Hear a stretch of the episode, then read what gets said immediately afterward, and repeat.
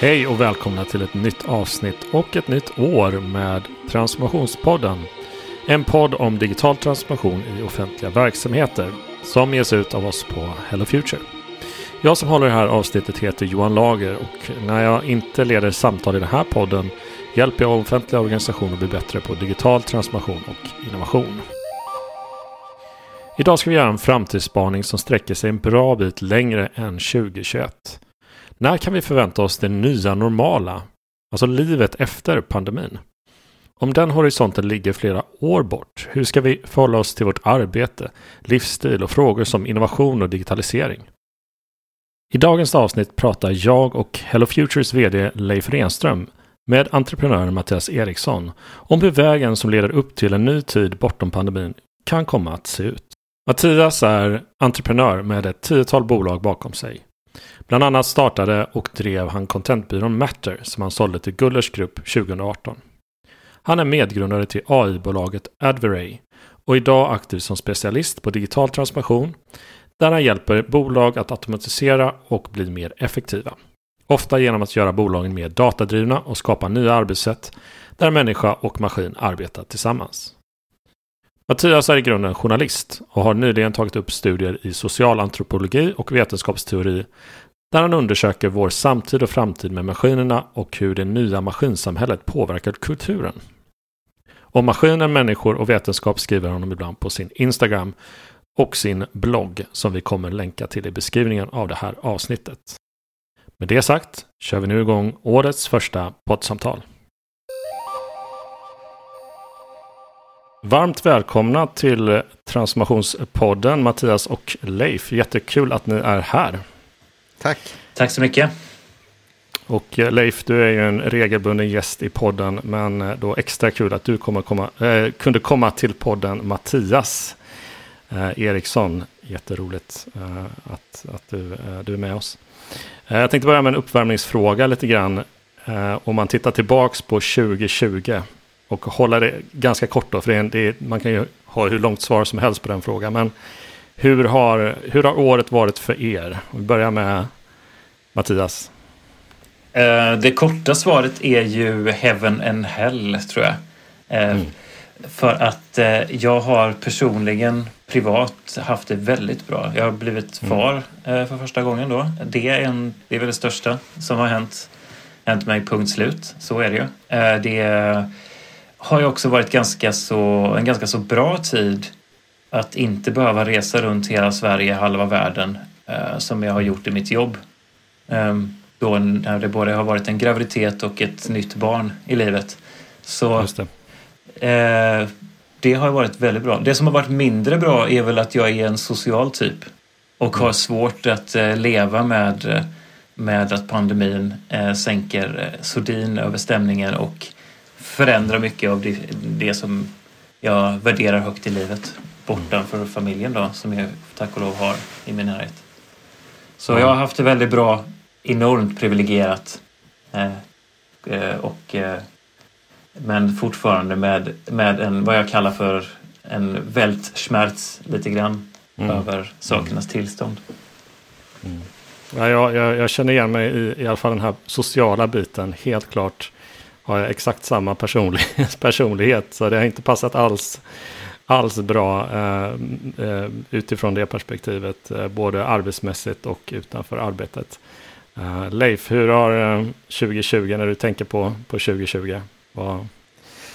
Jag ska inte säga att det var heaven and hell, men det är kanske för att jag inte är en sån person. Mina känslosvallningar går från så plus två till minus två ungefär. Så att, det är mm. kanske mer det. Men det finns ju definitivt bra och dåliga saker. Ehm, jag är en ganska introvert person som gillar att sitta hemma och pilla på med saker. Så att det, har liksom, det har inte varit så stor skillnad för mig på, på det planet. Nu har det varit mer okej okay att göra det och, och inte vara mm. med på massa sociala grejer. Så det, det har passat mig ganska bra. Ehm, men däremot ser jag ju att det finns liksom, en del negativa konsekvenser som jag, jag tycker jag märker hos oss på Hello Future som inte är så ja. uppenbara, men mer sådär att det är lite slitsamt. Alltså det är, det är någonting där som, som mest troligt är det här sociala lagret som det är mm. inte så att det liksom märks i varje situation eller stund eller att saker är sämre nödvändigtvis. Men jag märker att det sliter lite grann på alla. Alla i personalen är lite mer trötta än vanligt vid den här mm. tiden. Eh, ja. Så att liksom det, det tar ut sin rätt. Eh, och det är såklart också delvis mm. för att vi har gjort så mycket nya saker i år. Vi har ju ställt om Eh, jag menar, det har vi pratat om tidigare i podden, för Hello Future har också varit digital transformation i maxfart under 2020. Mm. Så det, det, är klart att det har mm. tagit ut sin rätt. Mm.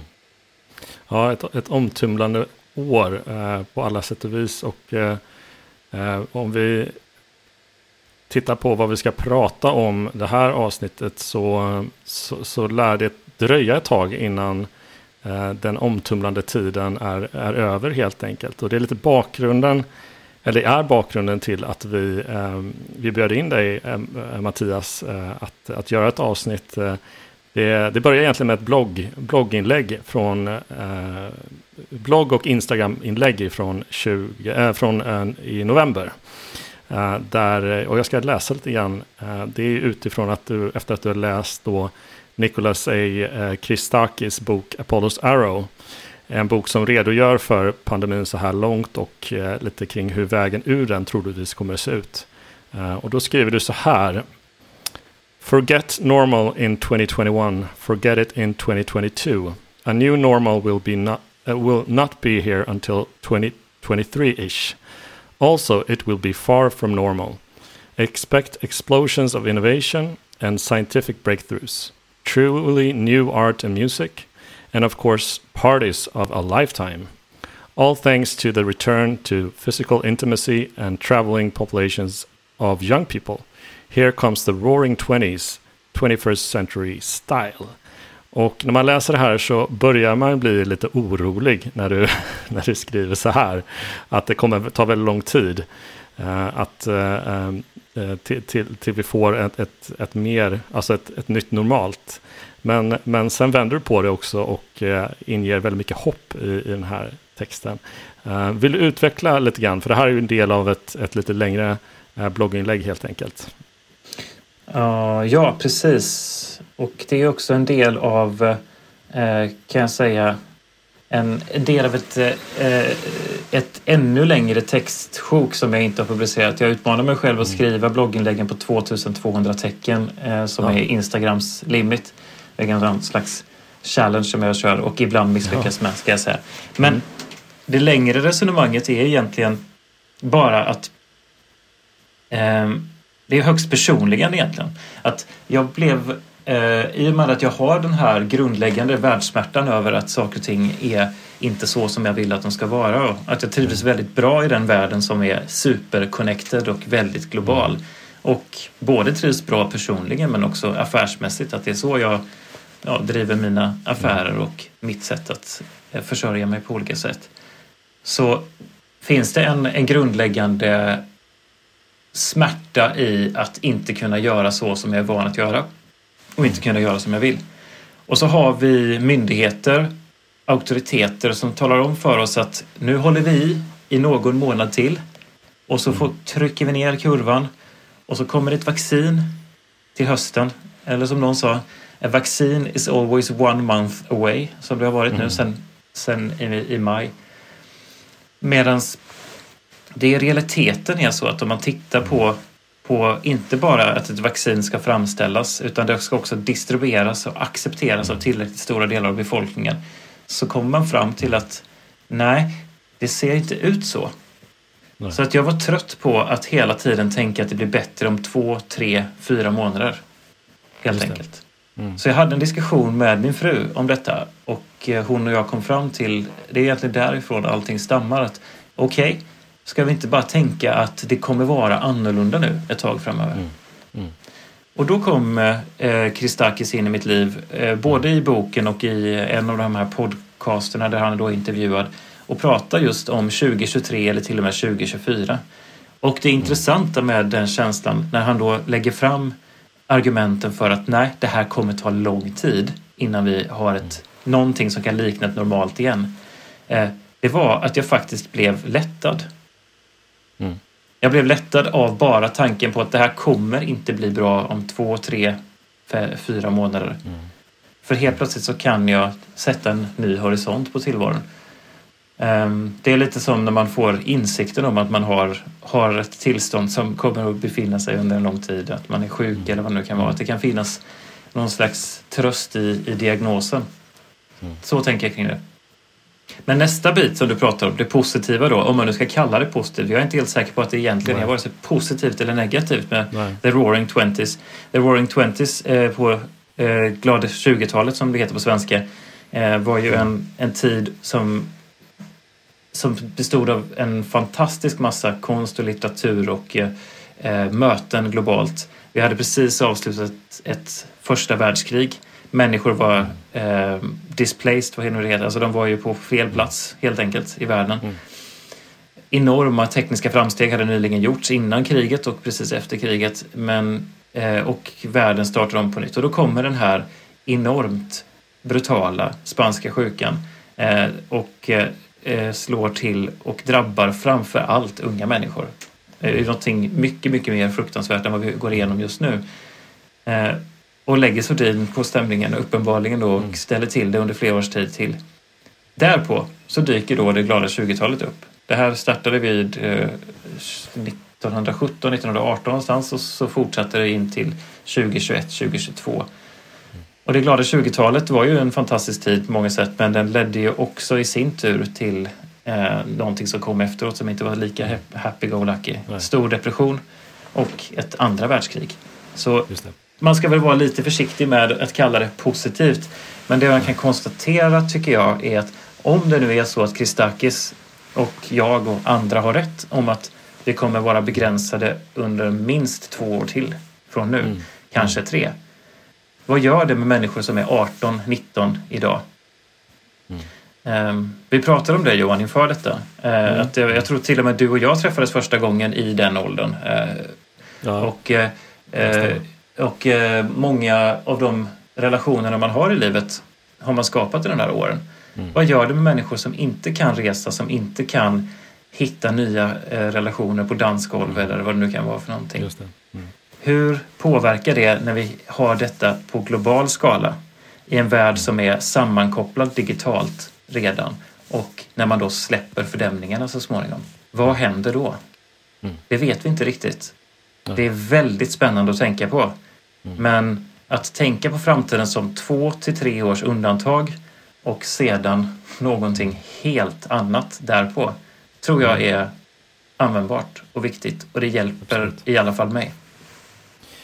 Uh, och vi ska, vi ska inte, jättebra uh, utläggning av ditt resonemang. Uh, vi, ska inte, vi ska inte stanna kvar så mycket kring, kring just boken, men, men i, i, stora drag, eller han har, och i poddar han har, har pratat så, så pratar han om olika, alltså det kommer vara kanske ett år som ser ut ungefär som 2020 och sen är det vaccinat, eh, vaccin och det kommer ta ungefär ett år och sen kommer det vara en um, Folk kommer fortfarande leva med den här, uh, ja, den här övergångsperioden där man börjar känna att det, det känns tryggt. Och, uh, och sen har du en, uh, den ekonomiska krisen som måste ehm, återhämta sig. I, I, stora drag så det är väl så han, han pratar om den här tiden helt enkelt. Det stämmer. Uh, mm. uh, Leif, vad, vad, tänker du när, du, uh, när, de här, när den här tidshorisonten ser ut, kan se ut som, som den gör? Eller hur, har du en annan, ett annat perspektiv på det?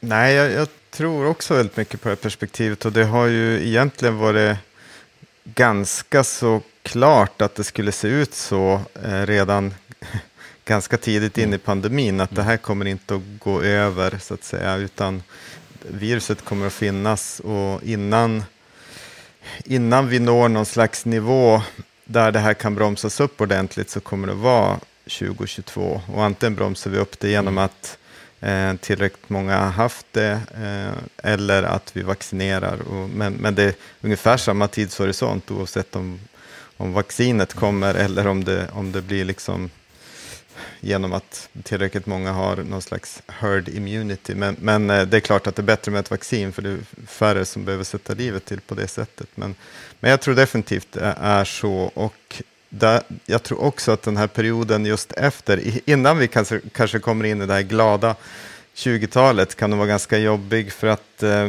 vi kommer nog se, om man tänker att det här ska pågå i, i en bra tag till så kommer vi att se en enorm, eh, eh, vad ska man säga, för, förstörelse av eh, infrastruktur, eh, kultur och annat som, som inte kommer att överleva i den form vi har varit van vid. Utan, eh, jag menar, allt ifrån konsertlokaler, teatrar, eh, människor som har jobbat med det, ljudtekniker.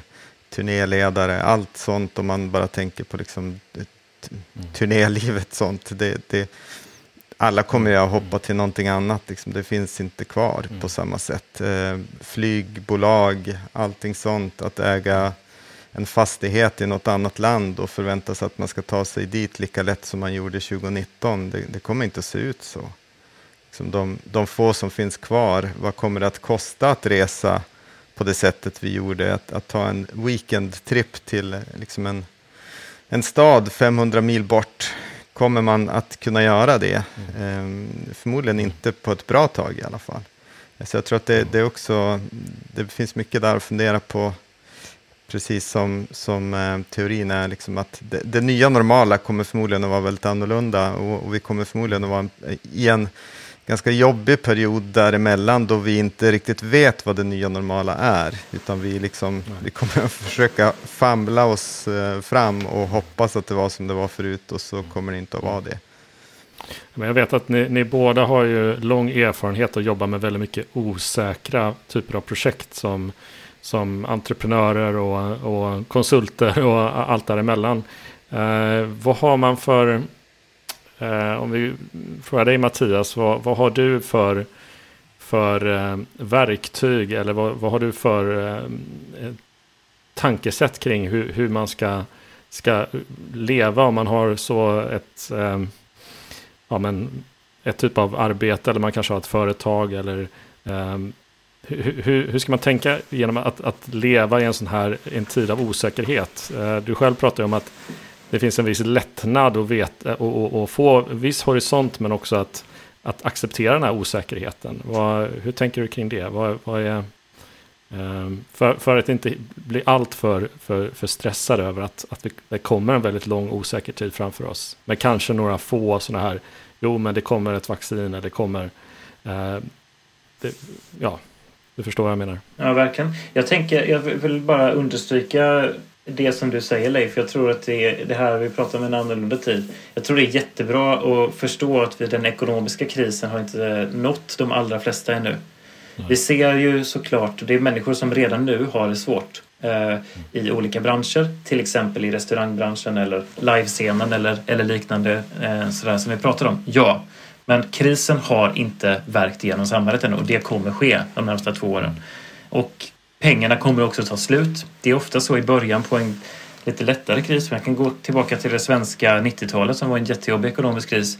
Till att börja med så syntes det inte men det var som allra, allra värst för människor oftast 94, 95 sådär när, när det egentligen redan hade vänt då på makroindikatorerna. Det är också en viktig sak att komma ihåg att krisen har inte ens drabbat oss. Så det är väl ett upprop till alla människor att vara Ehm, att se om sitt hus, att vara resilienta och inte ta för stora risker om man kan undvika det. Och dessutom kanske också börja fundera på hur man kan hjälpa varandra och vara lite mer kollektivistiska. Det är väl ett sånt grundläggande tankeråd. Men ska vi prata om ledare och organisationer och eh, det som jag jobbar mest med, eh, bolag och, och den typen av, av verksamheter, så tror jag att det är eh, viktigt att ha perspektivet det har väl aldrig någonsin varit viktigt med ett bra ledarskap. Och vad man menar med ett bra ledarskap det är en helt egen podd och det vet jag att ni har pratat om i podden så det kan man ja. säkert eh, lyssna på andra bra avsnitt om. Men eh, det goda ledarskapet kommer inte bli mindre viktigt. Jag har haft förmånen att jobba på ett bolag under den här tiden som heter Icebug som gör outdoor-skor, skor med grepp. Eh, och det är förutom många saker som de är bra på här så jobbar de med att vara, så är våra världens första skoföretag som var helt klimatpositiva. Och vår VD här har sagt att eh, vi är mitt i en eh, viruskris. Men vi kan inte släppa fokus på klimatkrisen för den kommer finnas kvar precis lika mycket, om inte värre, när vi tar oss igenom den här krisen. Det tycker jag är väldigt klokt att ha med sig som perspektiv. Att det som fanns innan finns fortfarande kvar. Men det är värre än så. Det som förändrades tidigare förändras nu i snabbare takt. Biograferna hade redan svårt 2019. Ehm, de kommer inte knappt finnas kvar med accelereras Det är ett extremt exempel. Men många av de här makrotrenderna har i grund och botten accelererat. En datapunkt som jag tycker talar för detta är att bokförsäljningen har ökat tror jag med runt 30 procent i USA eh, enligt siffror som är, sedan, sedan mars. Men eh, det är också så att eh, marknadsandelen för Amazon när det gäller att sälja böcker har mer än fördubblats. Så det säger någonting om vad som händer i, i en sån här tid att det är väldigt mycket att vinnaren tar allt, att stora blir större, mäktigare blir mäktigare. Ehm, och då har vi politik och vi har medborgarskapsperspektivet som kan stå emot och hjälpa människor i den här perioden. Eh, så det kommer bli allt viktigare. Uh, så hur man kan titta på det? Ja, förbered er på elände och dåligheter. Det är väl egentligen det, mm. det säga, att det är jätteviktigt. Uh, jag skulle dessutom om jag vill jag lägga till att ta hand om varandra så mycket man nu kan. Leif? Eh, ja, precis. Direkt fundering. Ja, ja, men absolut. Jag tänker att det här är ju en, det är ju en enorm förändringsresa som, som hela liksom, planeten är inne på här, som, som blev väldigt accelererad. Och mycket av det som har hänt här senaste året är ju sånt som skulle ha hänt ändå vad, vad det gäller liksom, hållbarhet, digitalisering och annat, men det gick väldigt mycket snabbare. Vi gjorde, det, gjorde omställningen supersnabbt och sen får vi se vad som finns mm. kvar. Men, men vi vet ju av erfarenhet, eh, och inte bara vi på Hello Future, utan forskningen visar ju att all, alla sådana här förändringsresor är ju jobbiga. Alltså, vi vet om att det är så. Eh, särskilt när man är mitt i dem. Det, är ganska, det kan vara ganska kul att starta dem, men när man har kommit en bit in i dem så är de fruktansvärt jobbiga oftast. Eh, men sättet att ta sig igenom dem är ju att veta att det finns ett bättre läge där i, i slutet på något sätt. Alltså det vi brukar kalla det här eh, önskat framtida läge. Och det är det som jag tänker den här boken gör så bra. Alltså vi vet ju inte om det blir så här, men den ger oss hopp för att det finns ett, ett bättre läge där framför. Så liksom, om, vi bara, om vi tar oss igenom det här så kan vi skapa en bättre framtid för oss. Vi kan göra mm. val som blir mer klimatsmarta, vi kan öka på digitaliseringen och förhoppningsvis kanske göra det på ett sätt som, eh, som gynnar medborgare och som gynnar liksom människor och inte bara gynnar eh, sju bolag i Silicon Valley. Det, det kommer nog göra det ändå, men, men vi kan mm. åtminstone ta lite mer eh, aktiva val kring det. Så det tänker jag att, att boken fungerar bra som en sån, eh, lite grann, ja men vi kan måla upp en vision för vad som ska komma om, om fem, sex år och så kan vi börja jobba på att faktiskt ta oss dit. Det andra jag tänker på är en, ett tankesätt som eh, Jeff Bezos i, på Amazon brukar använda sig av. Um, som, han tittar ju oftast sju år framåt i tiden för att gör man det har man inte så många konkurrenter för de flesta har inte den tidshorisonten. Eh, sen brukar han också titta, istället för att titta på liksom vad kommer att vara annorlunda om sju år, så brukar han också titta på vad är det som, vad är, det som är sant idag som också kommer att vara sant om sju år. Eh, så det kan ju också vara en, en bra grej när man är inne i sån här förändringsresor att, att kanske förstå att ja, mycket av våra beteenden kommer att vara annorlunda om, om mm. sju år. Men många av våra behov kommer nog vara, mm. finnas kvar och vara de samma så att säga. Eh, sen kanske vi, jag menar om vi har be behov att ta till oss eh, cinematisk underhållning, eh, sättet vi gör det på kanske kommer att vara annorlunda, men, men behovet att se film exempelvis kommer nog med all säkerhet att finnas kvar även om sju år och så vidare. Så det kan också vara ett sätt för att, att liksom kunna acceptera förändring lite enklare, att, att tänka att våra grundbehov är de är svåra att förändra, men, men våra beteenden kan förändras supersnabbt. Väldigt, väldigt snabbt. Ja, det har vi verkligen sett. Jag tänker på det, behov, det cinematiska behovet. Tänker jag på att det stora problemet med det cinematiska behovet är väl hur man kan hitta en plats för människor att på ett säkert sätt eh, kyssa varandra för första gången eh, också. Eh, det, det är liksom, någonstans så tror jag det är lätt att man också går, går vilse i det där. Men jag tycker om Bezos eh, använder själv den där också. Och just den här sjuårshorisonten är intressant. Mm. Man kan till och med ta tioårshorisonten och vill man då tro på Scott Galloway på NYU så, eh, så, så, säger han att de tioårsplaner du har kommer snarare att bli aktuella inom ett år eller kanske tre månader. Så ta dina tioårsplaner, sätt full fart. Eh, det är en annan eh, mm. orientering för ledare och organisationer att tänka på. Den, sen gör jag en till reflektion kring detta och jag har parallellt med boken Apollos Arrow läst Anti-Fragility av Nicholas Nassim Taleb. Eh, och han pratar om många spännande koncept och olika saker. Han är inte alls överens med Christakis i alla lägen. Han pratar inte om pandemin, för den här boken är skriven innan pandemin. Mm. Men han pratar om, om eh, något, ett koncept som jag tycker är väldigt spännande. Det handlar om att titta in i framtiden. Och han pratar om, om det som via negativa, alltså den vägen till negationer då. Alltså väldigt mycket av det vi gör idag. Vi tar på oss våra kläder. Vi, vi går någonstans till en, ja innan pandemin då, eh, någonstans till, ett, till en lokal där vi sätter oss vid ett bord och använder oss av bestick för att äta mat och dricka dryck tillsammans med människor vi vill vara i närheten av. Eh, det har vi gjort väldigt länge och väldigt många av de här eh, uppfinningarna finns kvar. Men Vissa saker kommer inte finnas kvar och det är oftast det man gör, gör bort sig när man tittar på framtiden. Att man vill gärna addera något som ska finnas i framtiden som inte finns idag. Eh, han vänder på det resonemanget och säger titta på vad finns det för data som stöder att något inte kommer finnas kvar om sju år. Det tycker jag är spännande att tänka på. Eh, ja, antagligen har våran mobiltelefon kanske inte eh, finns inte den kvar i den formen som vi har Men däremot så kommer vårt behov av att sitta och äta. Så om de på 60-talet bad oss att tala om hur ett restaurangbesök skulle se ut 2020 så hade de pratat om droppställningar kanske och eh, komplettkakor och, och, och liksom den typen av framtidsbild. Mm. Så blev det inte riktigt. Vi sitter istället och dricker vin i rustika miljöer som ser ut som medeltiden. Mm. Mer eller mindre. Men, men om man man tänker på det, det är roligt att du eh, refererar kring eh, framtiden. Jag såg eh, den här filmen eh, 2001, eh, Space Odyssey här bara för några dagar sedan.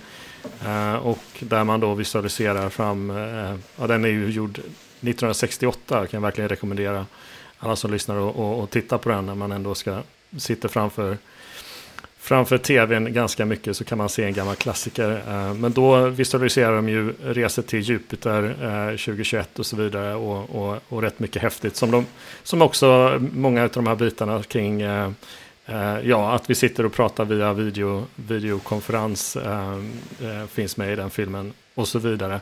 Men, men det är ju, 2001 blev ju långt ifrån så som, som filmen naturligtvis ja, försökte indikera på. Och det var ju klart en science fiction-film. Men vad, vad, vad, vad tror ni är, är, är, är tänkbara scenarier som, som, som man kanske har eller man kanske funderar kring just nu?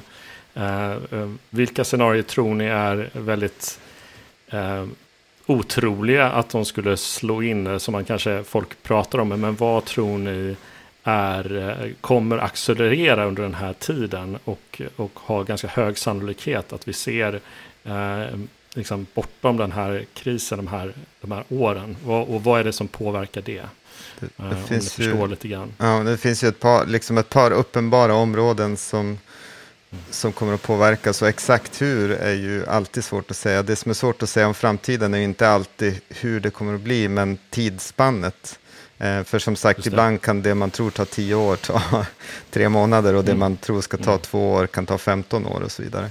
Eh, men det är klart att, att um, hur, hur vi gör arbete kommer att Jag menar, det, det, är rätt uppenbart att efter det här året, vi kommer inte gå tillbaka till vad vi hade 2019. Vi kommer inte att resa tvärs över landet för en, en timmes möte. Liksom. Det, det kommer inte att accepteras kulturellt att göra det längre. Ehm, och det är ju en, bra sak såklart. Mm. Men det kommer ju också vara, förmodligen är det ju också så att de flesta människor kommer att vilja ha någon typ av hybridlösning på sitt arbete så att man kan jobba hemifrån eh, väldigt mycket om det passar en. Men man kan ha någonstans väldigt social plats att gå till eh, när det passar bättre. Och, och, att hitta den där balansen och att hitta vad ska man säga, kostnadsmodellerna för det eh, kommer ju vara en, en jätteutmaning eh, för både privata och offentliga arbetsgivare. Och där tror jag också det är viktigt för offentlig sektor att tänka på att det här det är inte bara någonting som gäller liksom startups och bolag och så vidare. Det här kommer att vara precis lika relevanta för personalen på bibliotek eller på ja, mm. vad än det kan vara en socialförvaltning eller vad som helst. Att man kommer att vilja kunna välja lite mer än vad man gör idag. Sen, sen, finns det vissa typer av arbetsuppgifter som man absolut måste vara på plats för att göra, men de, mm. de saker som inte kräver det, då vill man nog ha en, ett större inflytande över vart och när man gör sitt jobb. Det tror jag är en bra utgångspunkt. Jag missade egentligen den viktigaste punkten som svar på förra frågan, men jag kan starta där yep. som svar på den här frågan. Eh, jag arbetar med att göra organisationer mer datadrivna väldigt praktiskt egentligen sätter upp data warehouse, hittar sätt att titta på data och faktiskt ta beslut på, på lite mer datadriven grund. Det är liksom en del av, av de sakerna jag gör. Människa och maskin tillsammans brukar jag prata om men det är ju där data är en komponent. Det andra är hur vi arbetar tillsammans med maskinerna och med varandra eh, som, med detta som grund. Och då kan man säga att det som jag tror är viktigt generellt sett är att titta på förändring och förändringshastighet i de här sakerna. Alltså vad är det som förändras och förändras fort? Jag har ett exempel från historien för att det är lättare, men vi tittade på flera av eh, de e-handlare som vi jobbade med för många, många år sedan nu, eh, åtta, nio år sedan. Då såg vi att eh, det var nästan ingen som köpte någonting via mobilen utan alla köpte via desktop. Men vi såg att tittade man bara på tillväxthastigheten så såg vi att den där lilla mobilsiffran den ökade brutalt med 50-60 procent i genomsnitt eh, hos våra kunder per månad. Så kan man lite matematik då så förstår man att det här kommer, fortsätter det här eller fortsätter det här ens lite så kommer vi vara på en helt annan plats om ett tag. Mm. Men det var väldigt många som inte såg det och väldigt många som byggde fast sig i lösningar där man inte kunde handla i, i mobilen. Men mycket riktigt, bara sådär 18 månader senare så var det en löst, eh, en, en situation som liknar den vi har idag där det är 60-40 ungefär med övervikt på mobilen för vissa och, och motsatsen för andra. Eh, vad jag försöker säga med det här är att det finns många av de här sakerna som man kan titta på. Man behöver inte alls använda sig av särskilt avancerad dataanalys för att göra det. Jag tror till exempel att det du är inne på Leif med hur vi arbetar, det kommer vi inte kunna acceptera och gå tillbaka till någonting annat. Men det finns vissa saker som är värt att ha en, ett extra observant öga på. När det inte bara räcker att titta på data och hur människors beteendeförändringar går till. För det är sant att vi idag har ställt om vårt beteende enormt fort, framförallt då i de här medelklass och övre medelklassyrkena som vi pratar om, mm. Eh, där vi jobbar hemifrån. Det har gått fort. Eh, men det är också så att vi kommer se en backlash på det för att vi har helt och hållet hamnat i en väldigt uppgiftsorienterad arbetssituation. Den blir tröttsam, den blir svår, det vill säga vi ser vad vi ska göra för någonting och vi gör våra tasks. I bästa av världar så gör vi våra tasks också, vi flyr inte från dem. Men vi har allt det här andra, mellanrummet, som vi inte egentligen noterar, tappar vi. Och eh, det finns eh, stora risker med det på lång sikt. Men just nu kan vi växla ut i, på många företag som jag har haft kontakt med så ser man en produktivitetsökning. Och den kommer inte hålla i sig över, över tid för att jag tror att vi kommer se en innovationsbrist också i, i den här typen av bolag om man inte hittar den typen av lösningar som du pratar om Leif. Mm. Hitta den här hybridmodellerna. När ska vi ses och på vilket sätt ska vi ses? Mm. Och hur, eh, hur kan vi hitta den här typen av, av gränssnitt? Eh, det tror jag kommer bli enormt viktigt mm. eh, framöver. att, eh, att titta på. Men så grundläggande hypotes för hur när man då tittar framåt i framtiden.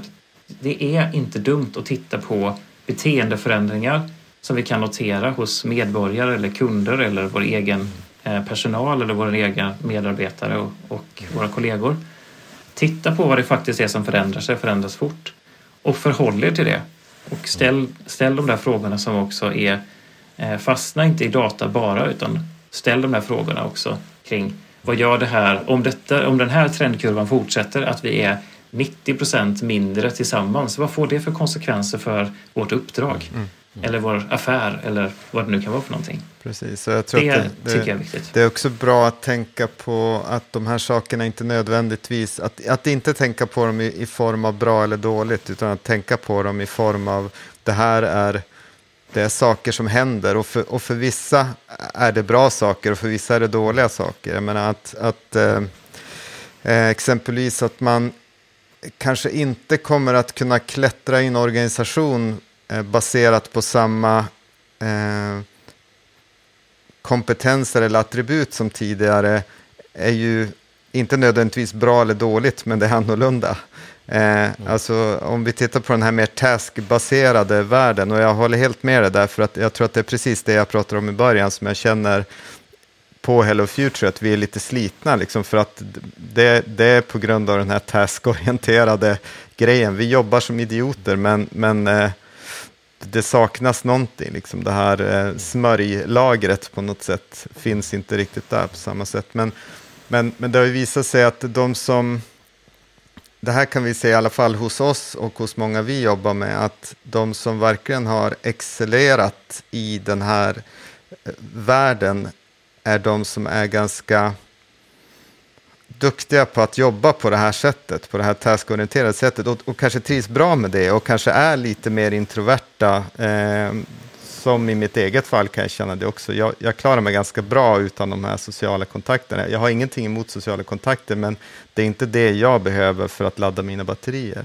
Um, så där tror jag det, det, kan vara, men det är ju sämre för en, en eh, någon som är van att liksom hantera ett rum och, och eh, kunna ta personligheter och liksom ha en, en stark personlighet i ett rum kan ju må jättedåligt i i ett sånt här sammanhang med, med, digitala möten och så vidare. Men det är inte nödvändigtvis bra eller dåligt så att säga, utan beroende från den outcome och beroende på från vilket håll man ser det så kan det vara en, en bra eller en dålig grej. Men jag tror att det, det, är viktigt att fundera på det i ens organisation, att, att inte nödvändigtvis säga att, att det är dåligt för att extroverta kanske inte kommer att trivas lika bra, för att de introverta kanske inte alls har trivits bra som det har varit förut.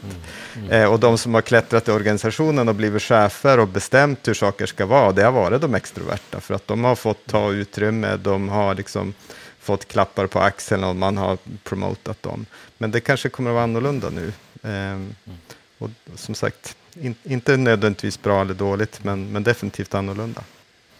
Men här kan vi ju, här kan vi ju eh, biffa upp någon form av eh, Eh, konflikt då mellan dig och mig tänker jag. Mm. Som den introverta mot den extroverta. ja, men, det tycker jag ändå spännande. För jag, ja, men jag, jag, jag, tycker premissen är intressant men jag skulle vilja säga, eh, eller premissen är korrekt till och med. Jag ska säga att jag tror att det är väldigt viktigt att titta på, på fakta, på data. Vad ser vi för någonting? Och inte värdera den inledningsvis utan konstatera att okej, okay, det här är en förändring vi ser. Vad gör vi med detta i förhållande till vad som är vårt uppdrag? Mm.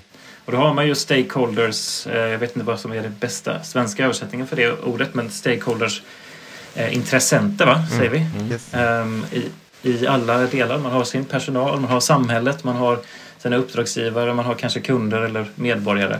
Um, och förhålla sig till den här då intressentmodellen och titta på eh, var de här sakerna eh, eh kan, eh, kan hamna någonstans. Och då, det som man skulle, jag, jag skojar lite nu med konflikten här, men jag tror verkligen att det är viktigt att utifrån den den punkt där man vet att man levererar och gör någonting bra. Och det vet ju människor individuellt väldigt starkt att det här är jag bra på. Okej, okay, och nu finns inte arena för mig att göra det jag är bra på. Hur kan jag se till att göra det jag är bra på i den här verkligheten, i den här kontexten? Där har du en jättebra, att identifiera den typen av saker Mm. är en jättebra uppgift att ta med sig hem och Mm. fundera på. Mm. Till exempel när du pratar om hur tar man ett rum. Ja, men det finns väldigt många sätt att genomföra videomöten på. Man måste inte sitta vid ett skrivbord. Man kan ha en webbkamera och så kan man stå upp och så kan man ha en mikrofon på skjortslaget istället. Och så kan man prata ståendes framför en grupp människor. Mm. Det är ett mycket, mycket eh, enkelt sätt att göra det lite annorlunda. Eh, man kan jobba med ögonkontakter in i kameran eller vad det nu kan vara för någonting. Eh, och hitta nya sätt att göra det. Jag har faktiskt jobbat med just ett sånt här projekt med, med fältsäljare och hur de då hamnar i den här, just den här problematiken att de kan inte besöka sina kunder. Nej. Hur ska jag visa upp mina produkter? Hur ska jag kunna genomföra möten? Hur ska vi kunna göra det? Så att jag jobbade med försäljningschefen i det här fallet då och hans, eh, hans team i att hur översätter vi det som är våra största och viktigaste möten och även de små och mindre viktiga mötena till en digital kontext. Mm. Det kommer inte bli lika bra. Det här är ju extremt extroverta personer. Mm. De bygger ju hela sin, hela sin idé på att de har en, en social, eh, sociala skills att ta ett rum, precis det du pratar om. Det är, ju he, det är nästan hela deras grej. Mm. Det är nästan liksom 80 procent av det skillset som behövs för att de ska kunna göra sitt jobb. Ja, det blir det enskilt viktigaste för dem när pandemin slår till i mars-april. Det blir att identifiera hur kan vi, hur kan säljare X göra sitt jobb på bästa möjliga sätt i den här kontexten. Så jag tror absolut att det kan, eh, eh, det kan vara så att vi har sett tidigare eh, att extroverta personer har tagit plats som de kanske inte alltid har haft täckning för att ta. Men jag skulle vilja säga till alla extroverta personer där ute att eh, ta tag i det här. Hitta sätt att vara extroverta i den här nya kontexten.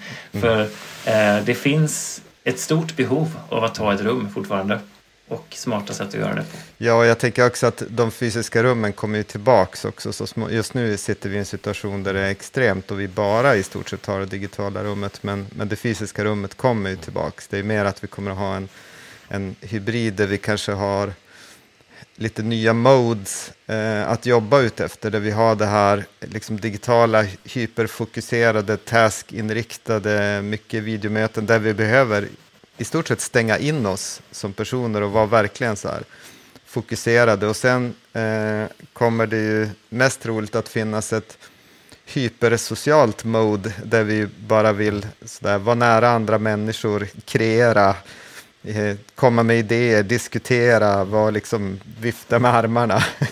göra allt det vi inte får göra i de, i de här digitala kontexterna. Och, och det tänker jag att våra arbetsplatser behöver ju eh, reflektera de olika modes. Eh, och det kommer vara en, en ganska tuff utmaning tror jag. För det, det har ju bara den här liksom vandringen från eh, stängda kontor till öppna landskap till eh, aktivitetsbaserade kontor och nu ska vi kanske nu ska vi till något annat. Det har gått ganska snabbt. Liksom på 20 år har vi vandrat igenom flera olika typer av kontorslösningar och nu är vi kanske inne i någonting, någonting helt nytt igen.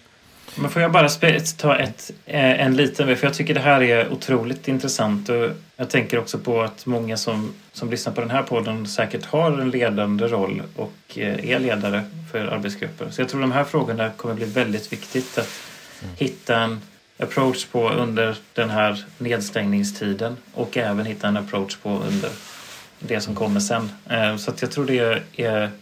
Jag ställer upp på, på allt du säger att vi är på väg in i, i någon hybridmodell som vi inte kan och jag, eller inte vet vad den är just nu. Men det som jag tycker är väldigt spännande att tänka kring är att ja, men det som är allra svårast att översätta digitalt, vad är det för någonting? Och hur kan vi jobba med det? Vad gör de allra, allra bästa? Ja, då finns det ju några enkla saker. En sak som man ofta glömmer är, eh, och det, det här är verkligen ett tips, det är larvet. Att larva sig. Det tror jag man behöver ta med sig i alla sammanhang som ledare. Var finns utrymmet för att larva sig när vi inte ses på det vanliga sättet? Hitta lösningar på det. Eh, och de som gör det bra, det är ju till exempel många techbolag och ett, ett, jag tror att ett av, eh, jag kan säkert få med en länk till detta, men jag har läst läste om ett företag som gjorde det bra och jag vill tro att det var 37 Signals som är Basecamp mm. bland annat. Men de har ju en, eh, de har ju ett krav på att man ska larva sig i en chattkanal tror jag. Om jag inte minns fel. Man ska ha någonting random att dela med sig av. Mm. För någonting random i Leifs hjärna som han delar kan sätta igång någonting i Johans hjärna som gör att han delar någonting annat. Mm. Och så kan vi komma på någonting som vi inte hade kommit på om vi inte hade larvat oss. Mm. Eller också så blir det bara lite kul och det ska man inte heller underskatta. Ja, vi har ju på eh, Hello Futures Slack-kanal så har vi ju. vi behöver vara mer aktiva i de här random-kanalerna eh, som vi, där vi delar lite allt möjligt sånt där. Um, jag tänkte, um, väldigt kopplat till det här, är ett ämne som jag vet att du Mattias också har funderat på.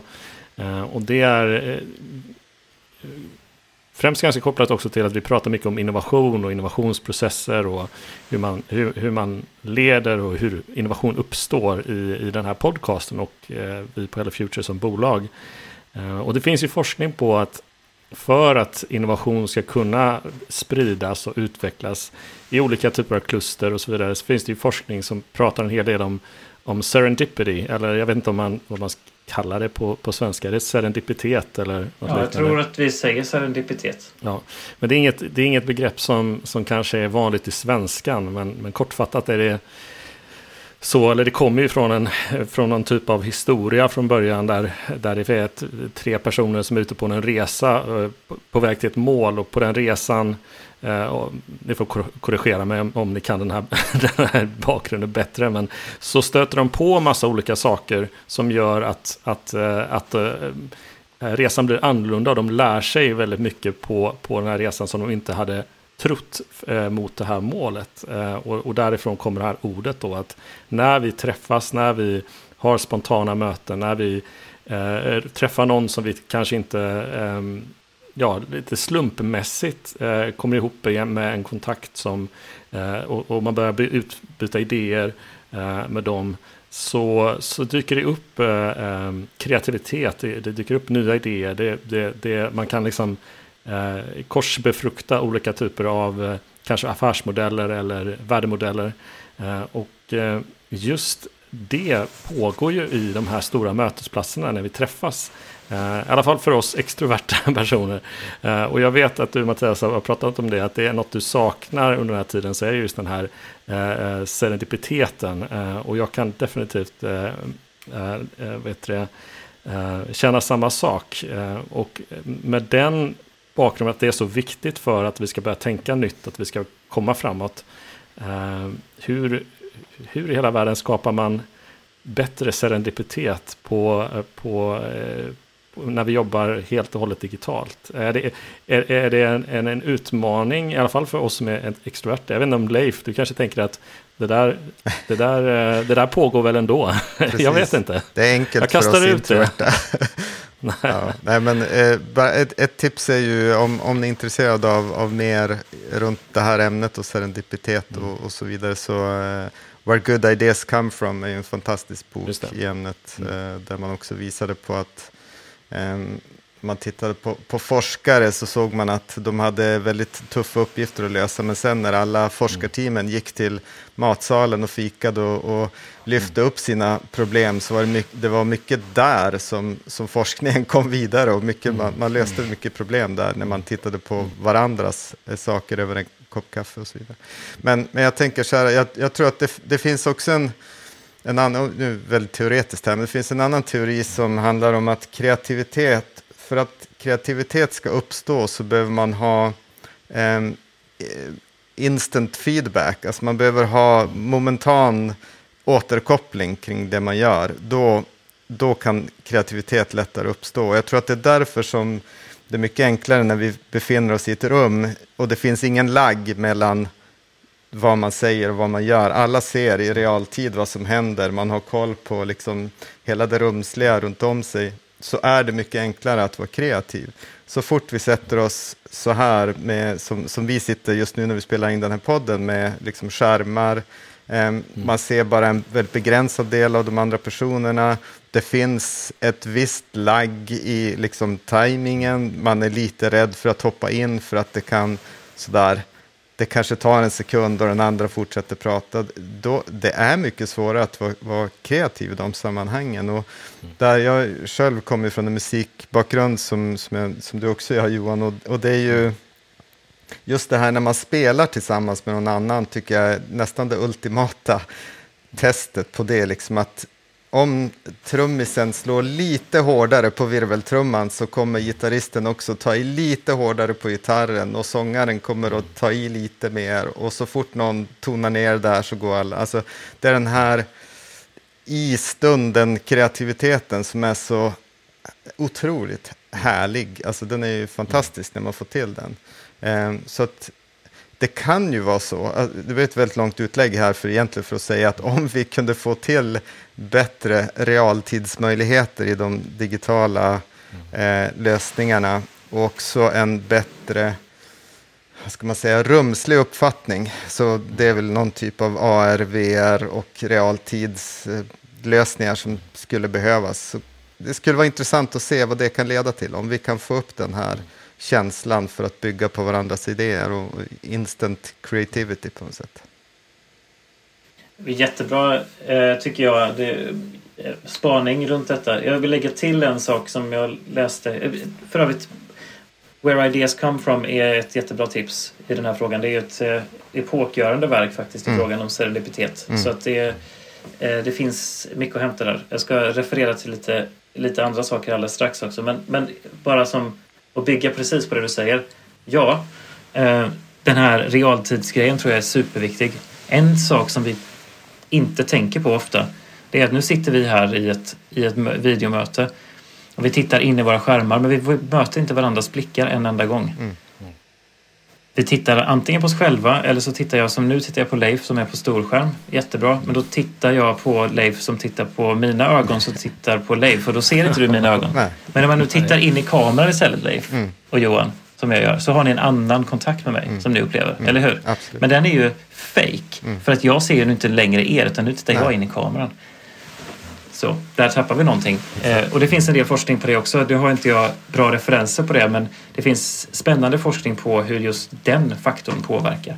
Att vi inte möter varandras blickar i videosamtalen. Mm. De, det är en utmärkt problematik i samma linje.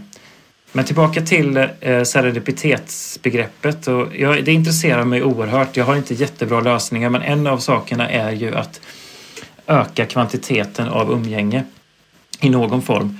Eh, det vill säga att öka möjligheterna till det här lunchrummet som finns i Where Ideas Come From.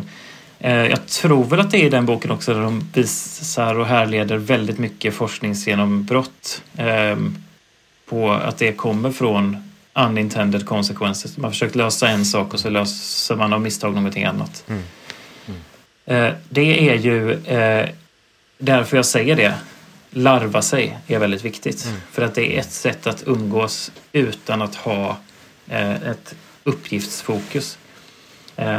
Det finns en, ett begrepp som jag snor från en av mina före detta medarbetare i en av de byråerna jag drev en gång i tiden. Hon kallar eh, detta för att jag behöver jobba lite riktningslöst på förmiddagen mm. idag. tycker jag är väldigt, väldigt bra. Jag behöver jobba utan att ha någon som helst idé om vad jag håller på med. Eh, och eh, då satt man ju med ett stort projekt med flera tusen timmar och så skulle man få någonting att levereras och då kan man bli lite nervös som VD eh, när min stjärna här ska jobba riktningslöst på förmiddagen. Men då får man bara lita på att det var bra och det var alltid väldigt bra.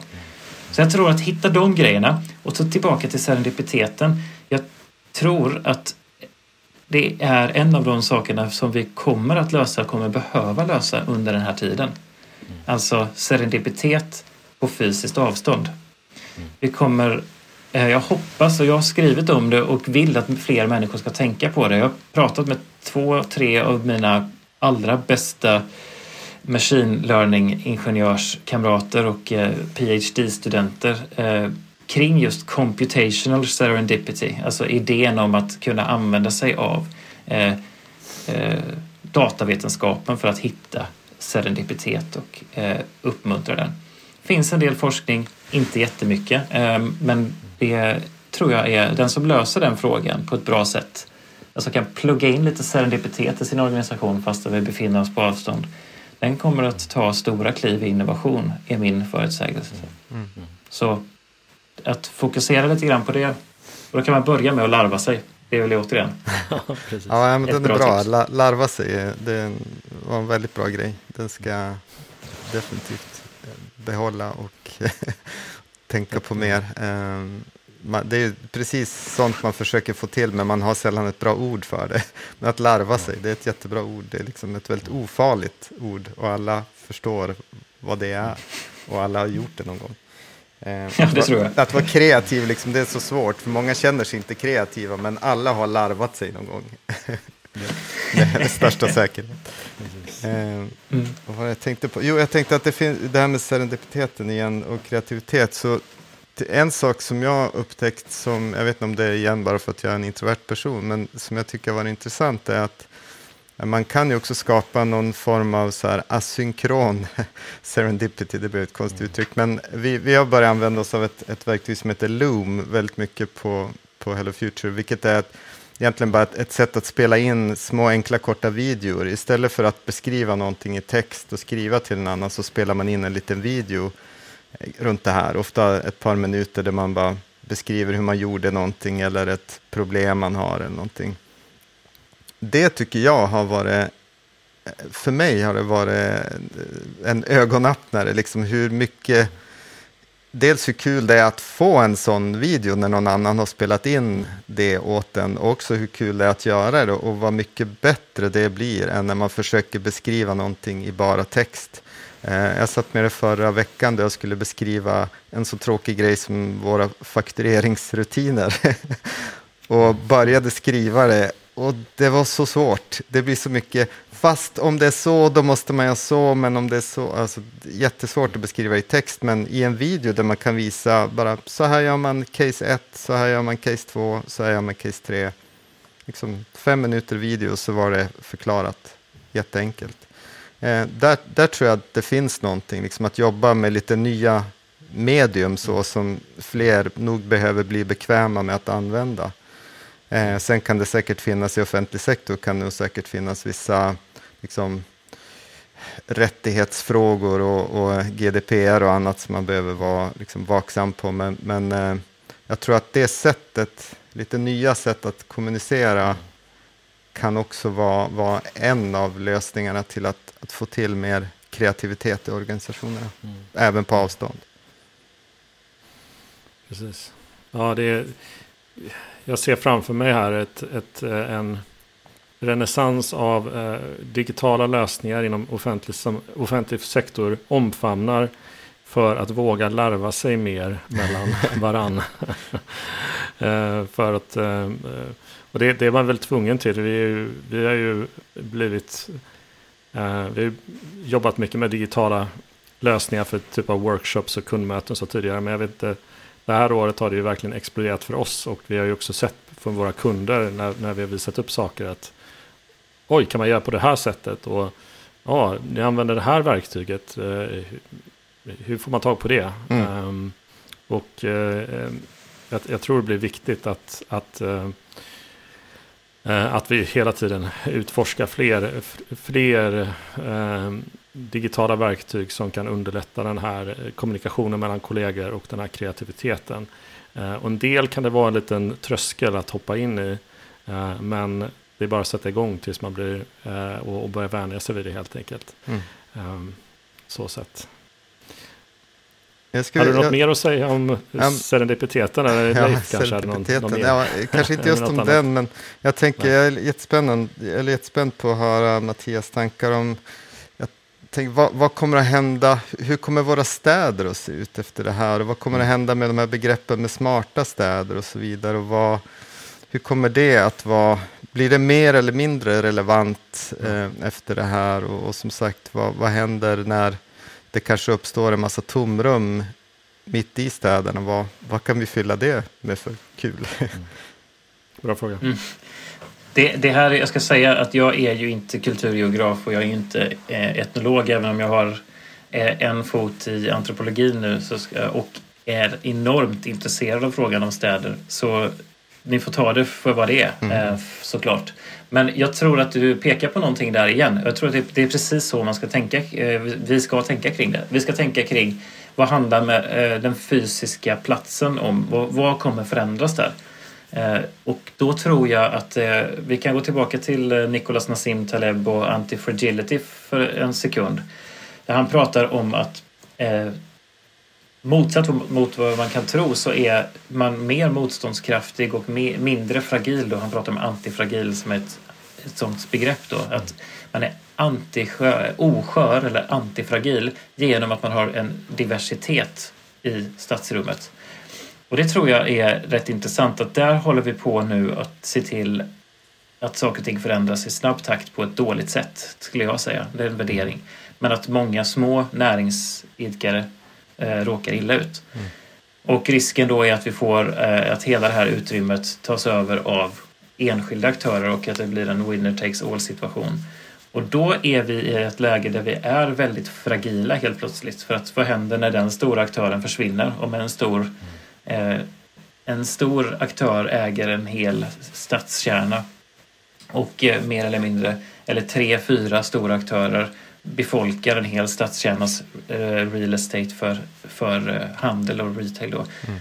Vad händer då? då kommer vi, om vi kommer ut ur krisen, pandemin, med den där situationen så kommer vi vara illa ute när då de bestämmer sig för att lägga ner i en viss stad och då lägga ner en stad. Mm. Men frågan är ju såklart mycket större än så. Vi trodde ju, eller jag trodde, många trodde, förutsåg att vi skulle ha redan 2022 nästan inga bilar kvar på våra gator för att mm. allting skulle vara självkörande. Och eh, var är min självkörande bil är ju ett återkommande tema i den världen jag befinner mig i, i machine learning-världen. Var är den någonstans mm. egentligen? För det, hade, det skulle då göra att vi inte längre behövde ha massa parkeringar på gatan och då skulle vi få massa plats över. Så verkar det nu inte bli. Folk köper mer bilar än någonsin för man åker inte kollektivt. Eh, och istället så kommer de här butiksytorna då att kunna stå tomma som du hintar här. Eh, så jag tror att det viktigaste här är att fundera på hur vi vill ha det. Och nu vet jag att ni riktar ju mot offentlig sektor och då är det ju spännande med medborgarperspektivet och politiken. Och sitter man med ett politiskt uppdrag så ska man gott och väl pusha sina politiker till att tänka på de här frågorna och fråga sig hur vill vi ha det? Mm. För någonstans måste vi också börja kollektivt bestämma oss för de här stora utmaningarna. vi ser att 70 procent av det som är distributionen av varor som har skett i fysisk form kommer att försvinna i närtid. Ja, då kommer ju väldigt mycket yta att öppnas upp. Och om vi under de här två, tre åren inte kan gå på restaurang under den tiden, mm. vad ska hända då?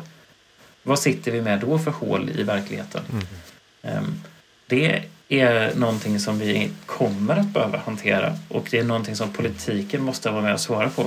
Och vet, mig veteligen så tar det tid för politiken att svara på frågor så det är dags och hög tid att sätta igång och svara på den frågan med hur våra städer ska se ut. När det gäller smarta städer så kan jag för lite om hur, eh, hur utvecklingen har sett ut på den senare tiden. Eh, jag, jag vågar inte säga det men generellt sett om vi tittar på datadrivna beslut mm. och tittar på data i hur saker och ting förändrar sig just under den här tiden. Det har ju aldrig varit viktigare att göra det. Att titta återigen på hur snabbt saker och ting förändras i vilka typer av hyresgäster finns det? Vilken typ av verksamhet är det? Hur mycket pengar spenderas och hur mycket varor distribueras i, i den här fysiska miljön? Och hur förändras det? Och hur snabbt tror vi att det kommer förändras? Det har aldrig varit viktigare aldrig någonsin varit viktigare. Det är några av mina perspektiv på det. Jag är faktiskt ganska orolig för hur våra stadsmiljöer kommer att utvecklas. Ehm, på sikt blir ordnar det väl sig, men jag är orolig för winner takes all i de här sammanhangen. Och att vi glömmer bort medborgarperspektivet. Mm. Vad är din take på det, Leif? Eh, ja, det, det, det, är ju ett scenario att, att det kan bli så. Eh, det andra jag tänker är ju det här begreppet att eh, ny, nya, eh, nya saker behöver gamla byggnader och, och, gamla tankar kan ibland använda nya byggnader. Att, att det kan öppna upp sig tomrum som kanske inte, det är inte önskat att det blir tomrum, men genom att det blir det så kanske vi kan hitta Ehm, jag tänker på en, en, sak, om, om vi börjar jobba mycket mer hemma uh, så kanske det gör att vi exempelvis får mindre försäkringsbolag och banker och så vidare som tar upp um, ganska värdefull plats i, i centrala delarna av städer. Vilket skulle i den bästa av världar kunna göra att vi kanske skulle kunna fylla det med någonting lite mer upplevelsebaserat kulturellt mm. istället. Kanske. Mm. Men det är i den bästa av världar. Men det är väl min förhoppning att, att vi... Det är ju beslut också, så det är precis som du är inne på, det är att fundera på hur, hur vill vi ha det? Och kanske jobba för det. Men det är klart att, att det som kan tala emot det är ju att om stadskärnorna ägs av ett par eh, liksom multinationella organisationer så, så kommer det att vara svårt. Så har man, har man släppt iväg liksom äg, ägandet av den fysiska platsen eh, då har man inte så mycket att styra över längre. Så det kan ju vara någonting att, att fundera lite på. Jag tänker att eh, vi, eh, vi börjar närma oss lite till en, en avrundning av det här väldigt spännande samtalet. Eh, eh och försöka, försöka hitta någon typ av jag vet inte om jag ska försöka sammanfatta det vi har pratat om, men några viktiga bitar som, som jag har tagit med mig är att eh, ja, ledarskapet, man behöver ha en, börja prata visionärt kring hur det här, den här målbilden ska se ut på andra sidan och börja jobba hårt för att eh, eh, eh och, och, se det positivt och börja se, och just den här frågan som, som du ställer dig Leif, hur, hur vill vi ha det? Eller hur kan vi få det när, när, när den här perioden är slut. Och för att plocka med det från, från eh, Mattias, där, av mycket du har sagt, så är just det här att titta på, titta på datan, lyssna, titta på de små förändringarna och försök anpassa och eh, tolka det och fatta beslut på, eh, på, på, på dem istället för att titta på kanske de här stora dragen av vad som kommer möjligtvis potentiellt bli väldigt, väldigt annorlunda. Eh, och sen larva sig på arbetsplatsen för att skapa kreativitet, eh, serendipitet eh, och eh, hålla igång en innovativ kultur eh, eh, när vi alla sitter på väldigt distribuerade. Är det något mer som, som ni skulle vilja pusha på i, i ämnet innan vi, vi, vi avrundar helt? Mattias? Jag skulle vilja bara lägga ut några ord om eh, just det här med att vara datadriven som ju är ett sånt där hype-ord. Och det jag menar med de små förändringarna är egentligen eh, är inte de bara de små förändringarna utan det som har en snabb förändringshastighet. Just det. Precis. det är väldigt viktigt. Alltså det är hur snabbt saker och ting förändras. Och det är det enskilt viktigaste att ha med sig, att titta på olika saker och hur de förändras. Eh, så det är, det är mitt viktigaste budskap. Och egentligen också att Sätt upp en enkel struktur för att kunna följa det här och fundera på hur människor kan arbeta tillsammans med, med sina maskinella kollegor är någonting som kommer bli allt, allt viktigare. Det finns enkla saker att göra, att följa vissa enkla datapunkter som är lite olika för alla, men alla kan göra något i den riktningen. Det, det är väl det. Och sen som du sa då, larva sig och också ta hand om varandra i det. Ehm, att bara bli en bättre kollega och vän tror jag är mm. någonting som vi alla kan försöka arbeta på under den här tiden. För det kommer banne mig behövas. Det kommer bli jobbigt. Och, mm. och jag tänker precis som vi började här avsnittet kring att Leif är introvert och, och vi är extroverta så behöver vi ju alltid samtala för att förstå varandra och hur, hur våra upplevelser av samma sak är. Att de kan upplevas väldigt, väldigt eh, olika. Och, eh, och där tror jag vi hittar eh, mycket början till en lösning hur vi ska samarbeta eh, på, på ett bra sätt i, i den här tiden. Leif, vad har du mer att, att skicka, eh, skicka med? Ja, gud, det finns så mycket som att beröra runt de här sakerna som jag var inne på som man kan fördjupa och bara liksom hur kommer arbetstid att se ut framöver om, om, vi, eh, om vi jobbar mer på de här olika modes med hyperfokus och hypersocialt. Eh, och under vilka tider ska vi ha det jobbet? Är det, är det viktigt? Ska vi, skolan ska bli mer på distans också. Hur, hur funkar det? Den har ju fyllt två funktioner. Dels lära våra barn saker men också att förvara dem så att vi kan arbeta. Mm. det, det, är ju faktiskt så. Eh, om den aspekten försvinner eh, allt mer, hur, hur gör vi då med arbete och så vidare. Så det finns mycket sånt. Jag tänker, är man, jobbar man inom offentlig sektor med den här typen av frågor och om man generellt är en ledare i en organisation så finns det väldigt mycket saker att, att börja nysta i och fundera kring. Eh, så att börja tänka lite grann på det här, vad, vad är det för organisation, verksamhet, värld, stad, vad det då är man vill, vill se när, vi kom, när det blir the roaring twenties, när vi kommer ut i den här liksom, glädjebubblan, vad är det vi ska komma ut till då? Vad, vad har vi då lyckats med? Så att man kan börja åtminstone sätta lite eh, riktningar på det här kanske annars riktningslösa arbetet. Men, men lite grann bara att vi brukar prata om en kompass.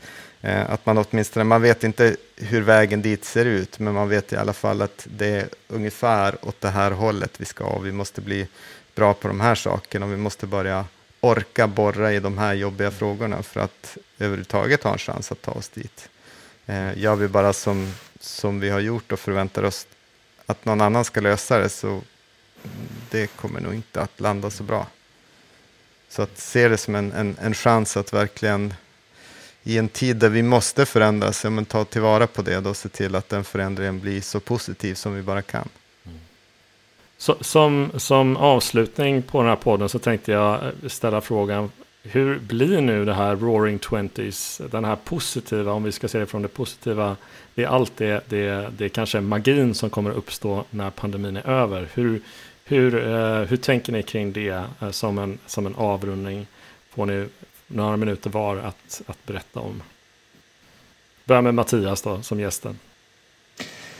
Jag tror att vi kommer se en explosion av innovation, vi kommer se en explosion av konst, vi kommer se en explosion av eh, vetenskap och vi kommer se en explosion av nya möten och eh, en fortsatt gräsrotsglobalisering. Eh, och det kommer vi se av skälet att många unga människor kommer att vara väldigt, väldigt begränsade under den här tiden.